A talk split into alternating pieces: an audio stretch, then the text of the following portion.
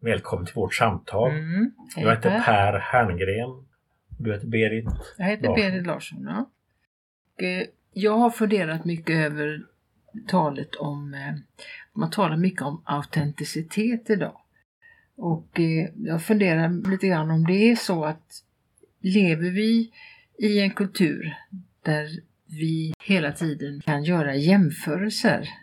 För autenticitet, frågan är, bygger autenticitet på att vi kan se vad som skiljer sig ifrån något annat? Det vill säga, om man talar om autentiskt, förutsätter det jämförelser? För att kunna bli äkta och autentisk så krävs det då, om man förstår rätt, att vi hela tiden jämför oss med andra. Men då undrar jag, när vi jämför oss med andra, är det inte så att vi redan då kategoriserar andra utifrån de egna kategorierna? Så själva jämförelsen gör dem till en del av mig och min Mm, egen mätning. Precis va. För du, du blir liksom fångad i din egen, så säga, egna kategoriseringar av den andra. Det är ett sätt att tala om, om autentiskt. Det förutsätter då en jämförelse. Och vi fångar ju de andra då i vår jämförelse. Ja, de blir en förlängning av mig. Yes, precis så. Och eh, är detta då ett sätt att tala om autenticitet som någon slags eh, emancipatorisk förklädnad? Att vara äkta, vara sig själv ses ju som utopin eller den stora befrielsen. Är det då egentligen en förklädnad för vi fångar? Ja, att man blir fångad kanske i sin egen självbild helt enkelt. Va? Och i förlängningen av detta skulle det ju kunna utvecklas till eh, en typ av narcissistisk eh, förståelse. Du har ju läst ett kapitel här i en bok som är skrivet av Byung-Chul Han. Kan du bara säga någonting kort om Byung-Chul Han och boken? Ja, eh, Björn han är ju eh, filosof. Eh, han är från Sydkorea och han är nog mest utbildad i Tyskland egentligen. Och eh, han jobbar i Berlin tror jag nu som eh, filosof på Konsthögskolan. Ibland kallar man honom för en rock'n'roll-filosof har jag förstått. Han är ju nutida eller samtida och eh, en person som funderar över nyliberalismen, över den västerländska kulturen och han gör ju det kanske med ett annat, lite annat perspektiv. Hur ser det västerländska nyliberala fram, eller framväxten av ett nyliberalt samhälle ut egentligen? Och vad finns det för, för faror i det? Och, och boken heter Bortträngarna av den andra. Vad är originaltiteln där? det originaltiteln är The Expulsion och- och det är egentligen kanske att man mest skulle säga utvisningen eller utdrivningen av den andra. En exorcism av den andra. Det kan man säga. Och kapitlet som vi har läst extra för idag då. Det är kapitel 3. Det är kapitel 3 som handlar om eh, autenticitetens terror egentligen. Eller? Det heter The Terror of Authenticity. Ja, autenticitet, vad är det för synonymer vi tänker på här? Är svenskan, det är äkthet va? Ja, Vara sig själv. Att vara sig själv skulle jag nog säga nästan mer. Va? Ja. Och vad betyder det att vara sig själv? Hur blir man ett själv? Eh, kan man bli själv av bara själv? Och då tror jag att det, här, det handlar om förhållandet mellan jaget och mig själv, alltså mellan jaget och jag som ett subjekt. Och hur blir jag då ett subjekt? Kan jag bli det oberoende av andra eller blir jag det genom andra, med hjälp av andra? Att vi nästan blir i vår kultur lurade in i, att, i en någon slags förståelse av oss som självbespeglande kan man säga. Som om vi utesluter och försöker utradera den andra. Och då ställer han det gentemot det ojämförbara, alltså främlingen, det som inte kan bli en förlängning av mig själv. Och jag har kallat det, det mer som vårt förhållande först till den andra. Det är då vi kategoriserar den andra. Men sen har vi också vårt förhållande till den andra som ojämförbar. Det har jag kallat för den andres annanhet. Och vi gör båda delarna. Det här rymmer i sig en paradox. Det är inte det ena och det andra, utan det är, det är både och. Och eh, jag tänker lite grann över eh, det senmoderna eller det, det nyliberala samhället där man egentligen hamnar i en uppförstoring av, av jaget där den andra är bortraderad på ett eller annat sätt eller också endast finns med genom de egna kategoriseringarna. Nyliberalismen skapar ju också då en, någon sorts solipsism. Att världen och den andra blir egentligen bara min upplevelse. Den blir inte något annat jag subjektivt förstår. Ja, jag, jag skulle säga att du ser inte på den andra alls egentligen. Nej. Annat än så som du själv har bestämt dig för att den andra är. Jag tycker att en filosof som är bra i det här sammanhanget det är faktiskt Hanna Arendt. Eh, när hon talar om att eh, gå på besök. Och för några är, är detta ganska missförstått. Va? Man tror att det är en enkel procedur där man försöker att förstå den andra det vill säga på sina egna villkor, inte på den andras villkor utan på de egna villkoren. Göra sig till att turista i andra människors eh, värld. Det är inte det hon menar tror jag med, med att gå på besök utan det är en mycket svårare process. Va? Skulle man inte kunna betona med hjälp av Björn Han också att det handlar om, också om att inte förstå den andra. Gör den andra till mitt projekt. Och det är nog att utsätta sig för den andres annanhet där. Men det är också ett risktagande. Det är att du inte har kontroll. Och det som krävs där, det är ju egentligen tillit. Tillit till det jag inte kan kontrollera eller hantera eller förstå. Och någon typ av öppenhet.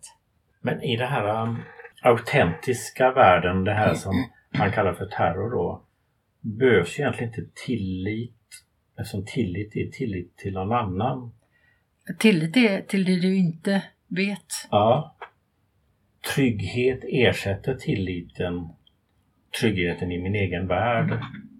Är det en rimlig beskrivning? Ja, det är det. Jag tror att det, det, finns väldigt mycket tal om, om trygghet och trygghet kan man koppla till, precis till, till individen och till individens eh, mående och till och med till individens självupptagenhet. En typ av trygghetsnarkomani nästan. Men tillit är någonting helt annat. Och jag skulle vilja säga att tilliten är det som borde föregå talet om trygghet. Jag talar inte för att vi ska ha massa otrygga människor och, och sånt där. Utan, men eh, det som saknas är ju snarare tilliten och inte, och inte tryggheten. Tilliten socialt. Tilliten öppnar upp för att det finns någon annan som är annorlunda, något annat än mig själv. Alltså en främling det öppnar för en främling som är främmande. Och inte säga, det är inte en gäst. För en gäst är en sån som är gäst i ditt hem eller i ditt land. Och det är inte den främlingen. Utan då har du redan kategoriserat och placerat in det i ditt. Utan det är öppenheten för det där du inte kan kontrollera eller kan bestämma från början. Hur menar Björn Sjöran nu då att, att autenticitet att vara sig själv hela tiden kräver att vi jämför oss med andra och vi gör dem till vårt jämförelseobjekt. Mm. Och genom att vi gör dem till någonting vi jämför oss med så blir de en del av mig. Det är en del av det här äh, bortträngandet av den andra. Ja, det tror jag. Det skulle jag nog skulle jag hålla med om. Men då tänker jag lite antagligen också då om eh, tekniska saker man kan ha som förlängningar av den egna kroppen. Och när man då talar om tingen, då undrar jag, är det så att de där tingen också blir den andra? Ja, i betydelsen av att den kan, de kan kategoriseras och inordnas i densamme. Mm. I så fall är det ju ett och samma. Så att genom de här armbanden där vi mäter mm. puls och mm. steg och alla sådana mm. saker då, så fysiska omgivningen blir en del av mig om jag skulle använda Arens sätt att beskriva detta så skulle hon säga detta är att vara världslös. Mm. Inte värdelös, men världslös. Det är att inte vara i världen, det är att inte handla i kontakt med andras annanhet.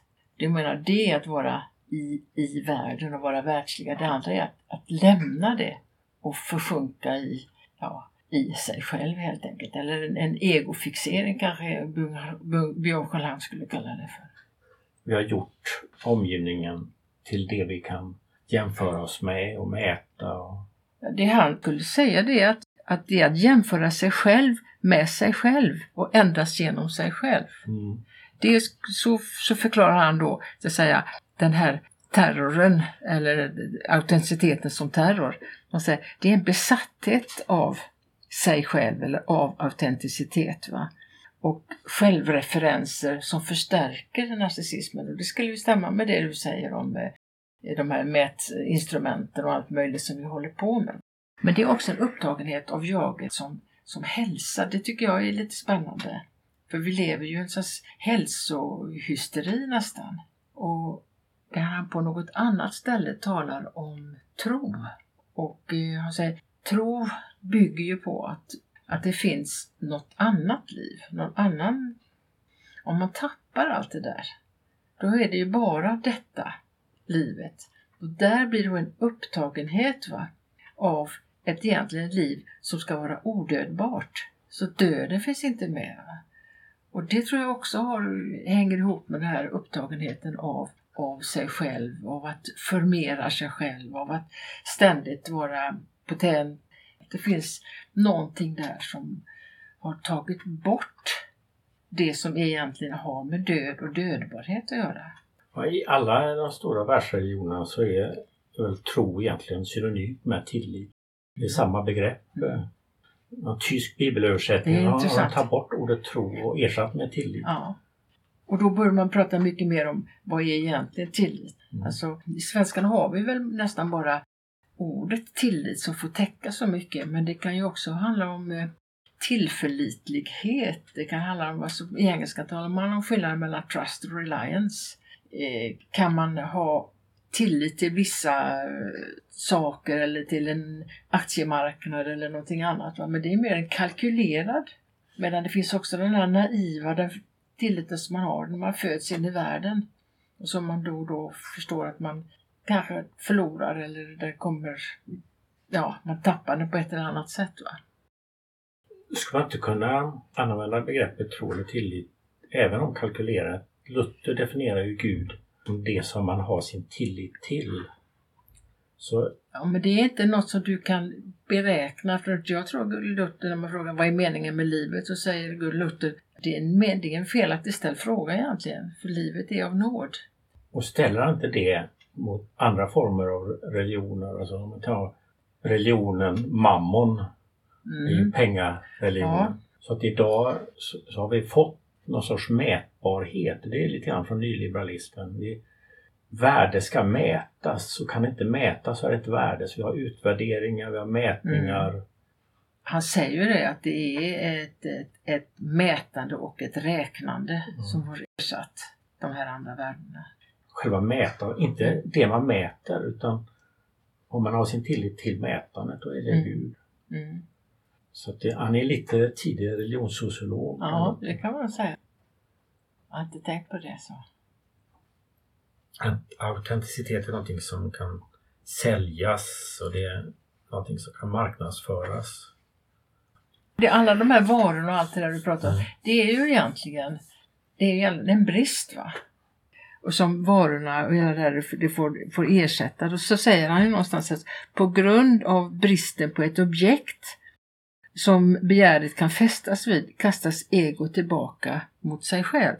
Eftersom det inte finns något objekt som är laddat med begär, annat än egobegär, så uppstår rädsla, säger han. Och världen blir då tom och meningslös. Och eh, det tycker jag är lite intressant när man pratar då om, eh, han talar om det narcissistiska egobegäret som orsakar, säger han, en reducering av objektsbegäret. Man blir alltså fångad i sig själva. Man blir både förövare och offer. Ja, precis. En sak som jag tänkte på här som inte han har tagit upp så mycket är ju att det här äh, att man fångas av sig själv gör ju då att man hela tiden behöver någon, någon sorts fetischistisk kraft. Exempelvis i Mhm, mätandet av mhm, sin egen hälsa eller av karriär eller av, av, Men, men av gillamarkeringar och liknande. och i detta måste ju då vara ett uttryck för eller ett svar på tomhet. Man fyller ju då tomheten så att den blir ju en kick. Men tomheten gör ju att det här tar ju slut. till nästa dag eller efter några timmar. Då måste man fylla igen då. Mm. Men det är ju det att du kan inte tillfredsställa det där begäret genom ting. Utan det du kan göra det är du kan tillfredsställa det möjligen genom en annan människa. Det vill säga, du är ju, om man tänker att du är en som behöver någonting eller som vill någonting, du är en brist. Men du kan inte tillfredsställa den bristen med annat än en annan människa, det vill säga en annan brist. Och inte med ett objekt som har att göra med relationen subjekt-subjekt. Skulle man inte då kunna tolka hans analys som att genom att göra den andra till en förlängning av mig och då försvinner den andra? Ja, precis. Om den andra bara är jag. Då drunknar du i dig själv. Ja, då drunknar man i sig själv. Och det är det jag kallar för egofixering eller narcissism. Ja. Du drunknar i din egen spegelbild. Och är inte det en längtan efter någon sorts autenticitet, en längtan efter någon sorts helhet? Jag tror det är längtan efter odödlighet. En eh, lite grotesk fantasi va? om odödbarhet. Det kan ju vara något som kan exploateras och utnyttjas. Och han säger ju att detta inte är en självhjälpsbok, Mm. skriver han eh, Mm. då. Så han vill inte ramla in i självhjälpsrörelsen själv. Men det är som vad han öppnar för tycker jag, det är, han öppnar för en komplexitet. Va? Det är inte några förenklade bilder. Va? Och eh, de här självhjälpsböckerna, jag undrar om inte de går att jämföra med, någon slags, jag tror Nietzsche eller någon har kallat det för Thanatos-tekniker. Säga hur man ska hantera och bemästra precis vetskapen om livets ändlighet. Att det, är, att vi, det finns paradoxala förhållanden i tillvaron va, som vi, vi måste leva i, förhålla oss till och inte göra de här förenklingarna. Och inte lösa det. Nej. Men det är också när jag talar om vår kategorisering av den andra. Det är ju e- en sida. Men också där vi möter den andra som radikalt annan. Det vill säga den andres annanhet. Det är också att leva i en paradox. Andra som pratar om detta det är ju, det är ju sådana som eh, Hanaren som talar om människan är både unicitet och pluralitet. Vi är både, vet att vi inte är som alla andra men vi är ändå del av mänskligheten. Hur ska ni komma förbi det här användningen av begreppet mångfald idag då? Mångfald används ju ibland som ett sätt att få kontroll, att kunna Mm. kategorisera de andra. Mm. De är lika varandra. Därför är de annorlunda oss är lika varandra.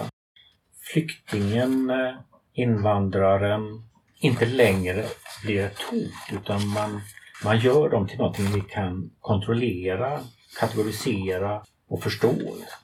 Hur kan vi förhålla oss till skillnad till varandras olikheter i ett pluralistiskt samhälle? Det är en fråga. Och är det möjligt att arbeta mot diskriminering och intolerans när vi samtidigt utgår ifrån redan kategoriserade olikheter? Vare sig gränsen mellan de olika kategorierna beskrivs som fasta och stabila eller rörliga och flytande. Särskilt med tanke på bristande tillit. Är det möjligt att arbeta mot diskriminering om vi samtidigt utgår ifrån redan kategoriserade olikheter? Har vi redan inordnat då? Så vi befäster det, det är det du säger. Va? Och om man ska hårdra Byung-Chul Han så blir det att när man inordnar och kategoriserar där så blir de en del av vår ordning, av, Ja. av mig. Ja. De blir inte något annat, Nej. de blir inte längre en Nej. främling. Nej, och då kanske man ska sluta upp och ställa frågan Vem är du? Man kanske ska ställa andra frågor. Istället för, för så fort man ställer frågan till den, den, den andra eller den främmande, här, vem är du? Ja, då ska de förklara sig, men det gör de. De blir begripliga i mina kategorier. Och det autenticitet är ju idealet i den frågan. Precis. Ja. Så att eh, man kanske skulle, skulle så sagt, fråga på ett, på ett annat sätt. Va? Jag går tillbaka till, till Kant här. Han skriver ju en, en text 1795 som handlar om den eviga freden. Han skriver om främlingen där. Rätten för en främling är att inte bli behandlad på ett fientligt sätt av en annan när han anländer till en andres område. Denna gästfrihet ger varje person rätt att bo i ett främmande land. Ingen har mer rätt än någon annan att vara på en bestämd plats på jorden. Gästfriheten är obligatorisk idé hos förnuftet, det säger Kant. På tal om gästfrihet. Men genast när man talar om gästfrihet så är den andra en gäst. va? Mm. Den är en gäst hos någon som är hemma. Och då har vi redan bestämt och kategoriserat och inordnat den andra i, dess, i det egna, om man säger. Kant använde gästfrihet på ett annat sätt eh, än Ja. vad vi gör idag. Är det inte så? Frågan är om, om, om detta är en gäst. Så fort du talar om gästen, va? Så är frågan vad det är för någonting. Mm. Vem är gäst? Ja, det är, gäst är man ju hos någon som har någon plats, någon, någon, ja, något hem. Mm. Det, där, det är din gäst och det är du som är hemma och så vidare. Det är alltså vad ska jag kalla, en villkorad gästfrihet och inte en ovillkorlig gästfrihet. Och Levinas definierar ju den andra som radikalt Radikalt annorlunda. annorlunda. Ja. An, Men det är ju inte annan. evigt utan det är, en liten, det, är, det är ju där du står inför den andres ansikte, den andres blick. Va? De där kategoriseringarna och kontrollen kommer först. Då kommer du aldrig stå inför den andres så att säga annanhet. Utan du har redan bestämt och inordnat. Och då är det som man har att säga, då går du inte på besök va? utan du är turist i någon annan makt. Du behåller det hela tiden. Va? Och så, så samlar du in lite olika intryck i förhållande till den du är. Så Levinas menar att vi har etisk skyldighet till den som inte är som jag utan Ja. den som är radikalt en annan. Så du ställs inför den andra. Så det, det föregår allt annat. Det är som är den etiska utmaningen hos honom. Va? Och det tycker jag är, är intressant att prata om. För det blir en del av den här paradoxen då. Va? Den andra och den andres annanhet. Och där finns Levinas med. Va? Men eh, Björkål han talar inte särskilt mycket om Levinas. Nej, Det- man, man gör någon sorts brygga. Någonstans gör han Så idag då uppfattar man ofta solidaritet som att känna igen sig i den andra. Så att den andra görs igen till något igenkännbart. Känna igen sig själv. Det innebär att den andra görs till lika mig. Mm. Desto svårare blir det ju att förhålla sig till det som du inte kan liksom, känna dig hemma i eller på något sätt. Den stora bristen idag är, det är tilliten. Men det är ingen nästan som talar om det, utan, eller har gjort länge, utan talar väldigt mycket om trygghet och olika insatser på olika sätt. Va? Hur vi står inför det som vi inte har så att säga, kontroll över, eller det, vi, det främmande som vi, som vi ställs inför. Det är också, visar också vår egen sårbarhet. Det vill säga att du inte kanske är, som förr skulle säga, herre i eget hus. Du har inte första king på dig själv. Det finns inget sammanhållet jag innerst inne som finns där från början. Utan att vi hela tiden blir till genom de här processerna, genom den mötet med den andres annanhet. Inte med den andra som är lika mig. Inte utan- den andra som du kan kategorisera och inordna i dig, utan just det där andra. Och det, om vi tappar det, så kan man fundera över vad får vi för, eh, vad får vi för samhällen? Är det så att vi får en mer egofixerad kultur? Och att det också går att exploatera. För eftersom den där egofixeringen leder också till större rädsla, det leder till osäkerhet, otrygghet, till tomhet, till eh, ja, att man tappar någonting som har med, kanske med livslust att göra. Och detta finns ju möjlighet att exploatera ekonomiskt och utnyttja. Och hur ser då motståndet ut emot detta? Då finns det ju inga sådana här enkla lösningar som en del pratar om. Eh, jag tycker ibland att politik har blivit som en butik som, där de säljer eh, lösningar, aldrig redovisar komplexa problem. Då tappar man någonting. Va?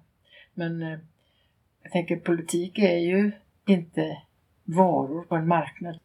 Ingen, ingen, ingen försäljning som pågår. Björn han säger till och med att politik bygger på konflikt. Ja. Så trängs konflikten undan och ersätts med, med vi eller jag eller harmoni Mm. eller trygghet. Då trängs demokrati undan och försvinner demokratin. Det tror jag. Och det problematiska med demokrati är ju att demokratin också rymmer en paradox. Va? Den rymmer nämligen de som är emot demokratin. Som ska finnas med i demokratiskt samtal. Och Det vill man gärna ta undan. Va? Men då har man också förlorat någonting som har med demokrati att göra. Hela det här, så att säga, det jag kallar för det komplexa. Men jag tycker nästan det är lite genomgående. Dels upptagenheten av individen eller också den totala upptagenheten av kollektivet så individen helt suddas ut. Det är liksom två, två tendenser. Problemet är ju om totalitära system ersätts av nyliberala system. Då blir det, det två, två, så säga, två förenklingar. Ja. Om de kan eh, stärka varandra. Ja. Jag, jag tänker mig att nyliberalism och nationalism egentligen är i konflikt med varandra. De tycks ju leva sida vid sida och införliva varandra. Det tror jag. Nationalismens, där, där är, ju kollektivet en individ. Alltså Mm. att det är nationalstaten. Mm. En enskild. Det blir inte Mm. mötet eller mångfalden eller konflikterna utan det blir en, en individuell enhet. Då, tänk, då kanske det är så att det är det som eh, den italienska filosofen Agamben talar om. Att eh, vi har alla hamnat i ett undantagstillstånd. Det vill säga vi är inte längre bios politicos utan vi är zoe. Vi är som, som djur som har tappat det där det Arendt kallar för omdömesförmågan, tänkandet, eh, viljandet. Och vi blir hanterade eller blir, blir offer i ett system. Och det är ju det nakna livet. Och det är kanske en extrem ytterlighet av biopolitik i så fall. Det Agamben beskriver är någonting som sker parallellt med att faktiskt konflikter och demokratier lever här och var. Men de suddas ut Mhm. i massmedia, suddas ut av eh, parlament. Men det skulle i så fall vara faktiskt lite i likhet med Arends oro för mass, det de kallar för massamhället. Det vill säga att människor egentligen avpolitiseras. Då har ju inte det med partipolitik att göra, utan det har ju människan som åsikts, som med uppfattningar och åsikter som varje individ har, som en politisk varelse. Men tar man bort och förstör de här offentliga samtalen, det offentliga rummet som hon kallar det, ja, då riskerar vi kanske att hamna i det hon kallar för massamhället och det, det Agamben skulle kalla för det nakna livet. Jag går tillbaka till det med massamhället, Jag tänker att massaktioner, massrörelser, massamhälle. Det är egentligen en form av individualism. För ett myller av demokratier är ju inte en massa. Nej. Utan en massa som är en flock eller någonting Mm. är individer som reagerar på varandra. Mm. Reaktivt. Mm. Och så skapas det olika mönster som nästan går att förutsäga. I vissa fall då som i konsumtion. Björn Skölhan och Hanna Arendt säger egentligen samma sak. Bara att de säger det i olika, olika tider. Han säger någonting i vår tid på 2020-talet och hon säger någonting 1950-1960-talet. Allt det hon gör handlar ju om hur hon ska kunna begripa och förstå totalitarismen, alltså stalinismen och nazismen och så vidare, de stora totalitära rörelserna. Och för honom handlar det ju då om, om ett nyliberalt system, samhällssystem. Det låter som det, de är på samma... Nej, men man ändå ställer lite grann de här ordningarna i konflikt med varandra. Alltså, George Orwells ordningar det var ju ofta att, att det var en, eh, det en central makt som ska försöka få underlydande att lyda. Mm. Och samma sak då i fängelser, i företag. Man ska få arbetarna att lyda. Och det som är lite spännande med Björn Skölhan är att han visar hur den här centrala makten inte behövs längre utan vi blir våra egna Mm. fångvaktare, Mm. våra Mm. egna slavdrivare. Mm. Och vi blir också våra egna spioner. Mm. Så alla de här mätinstrumenten, Mm, utvärderingarna och sånt som sker överallt är ju någon sorts självspionage Mm. som då är till för att vi ska kunna bli bättre.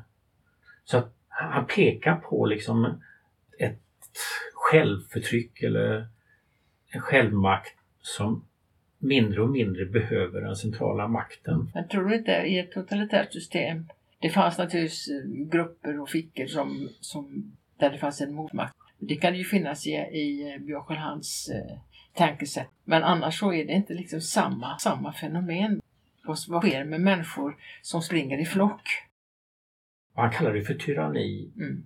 Så det är ju, det är ju ett motsvarande resultat som George Orwell och Hannah Arendt pratar om. De pratar om de totalitära Mm. samhällena. Mm. Men det, alltså maktteknikerna Ja, är annorlunda Ja. och vi är mindre beroende av övervakaren. Alltså det Mm. som Michel Foucault pratar om, Panopticon. eh, panoptikon, där vi disciplinerar oss själva Mm. för vi, eventuellt kan vi vara övervakare. Mm. Vi är förmodligen inte övervakare men eventuellt kan vi vara det. Mm. Men jag tror att det är så som Maren tänker när det gäller totalitära också.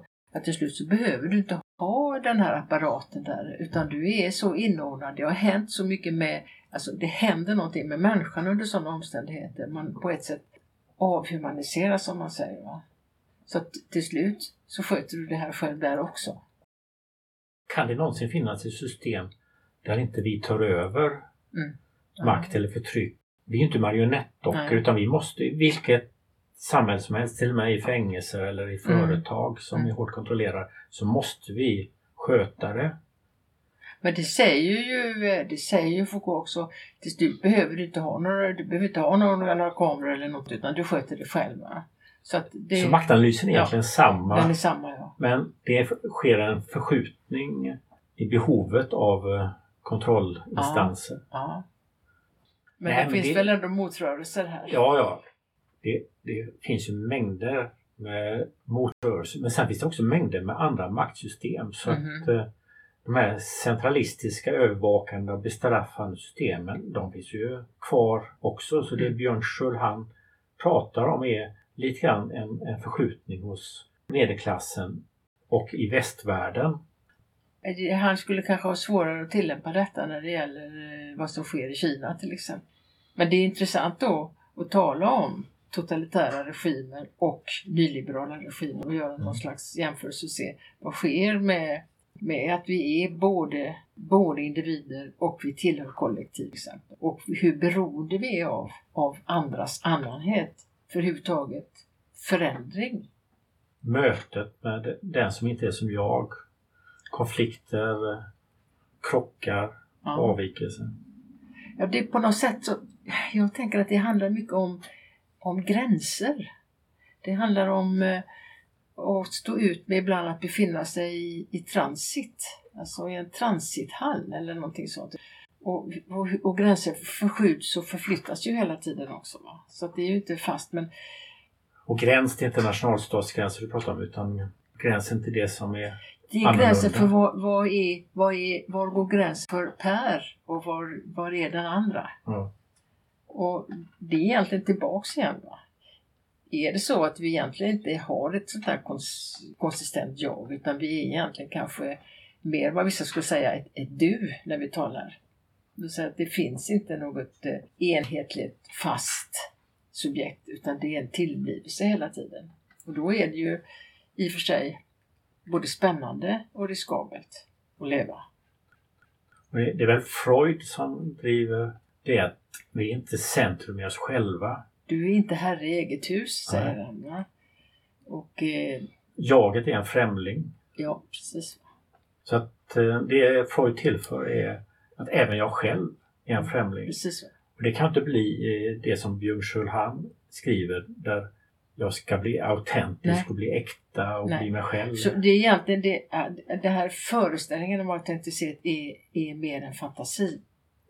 Det kan hända att det är ett, eh, någon slags önsketänkande. Egentligen en praktik som egentligen eh, kan vara väldigt eh, inkomstbringande för vissa. Autenticitet blir en vara Ja. som man kan sälja och, Och som man köpa. framförallt kan exploatera. Har du andra böcker av Björn Han? Ja, det, det, finns ju alla fyra böcker på svenska. Dels så finns ju mm. Trötthetssamhället som kom, den, den första som kom på svenska och sen så finns det I svärmen som handlar om det digitala som är också ganska spännande. Och sen var det Erosagoni och sen har det kommit en nu alldeles för något år sedan som heter Palliativsamhället. Jättetack Berit. Vi fortsätter ja, vi samtalet fortsätta. för Björn ja. är spännande. Ja, han är väldigt spännande faktiskt. Och eh, får eh, öppna lite grann för, eh, för det som är lite mer komplext och inte sådana här förenklade lösningar på tillvaron utan jag tycker att det är roligt att läsa honom därför. Han vänder upp och ner på tänkandet. Mm, gör han.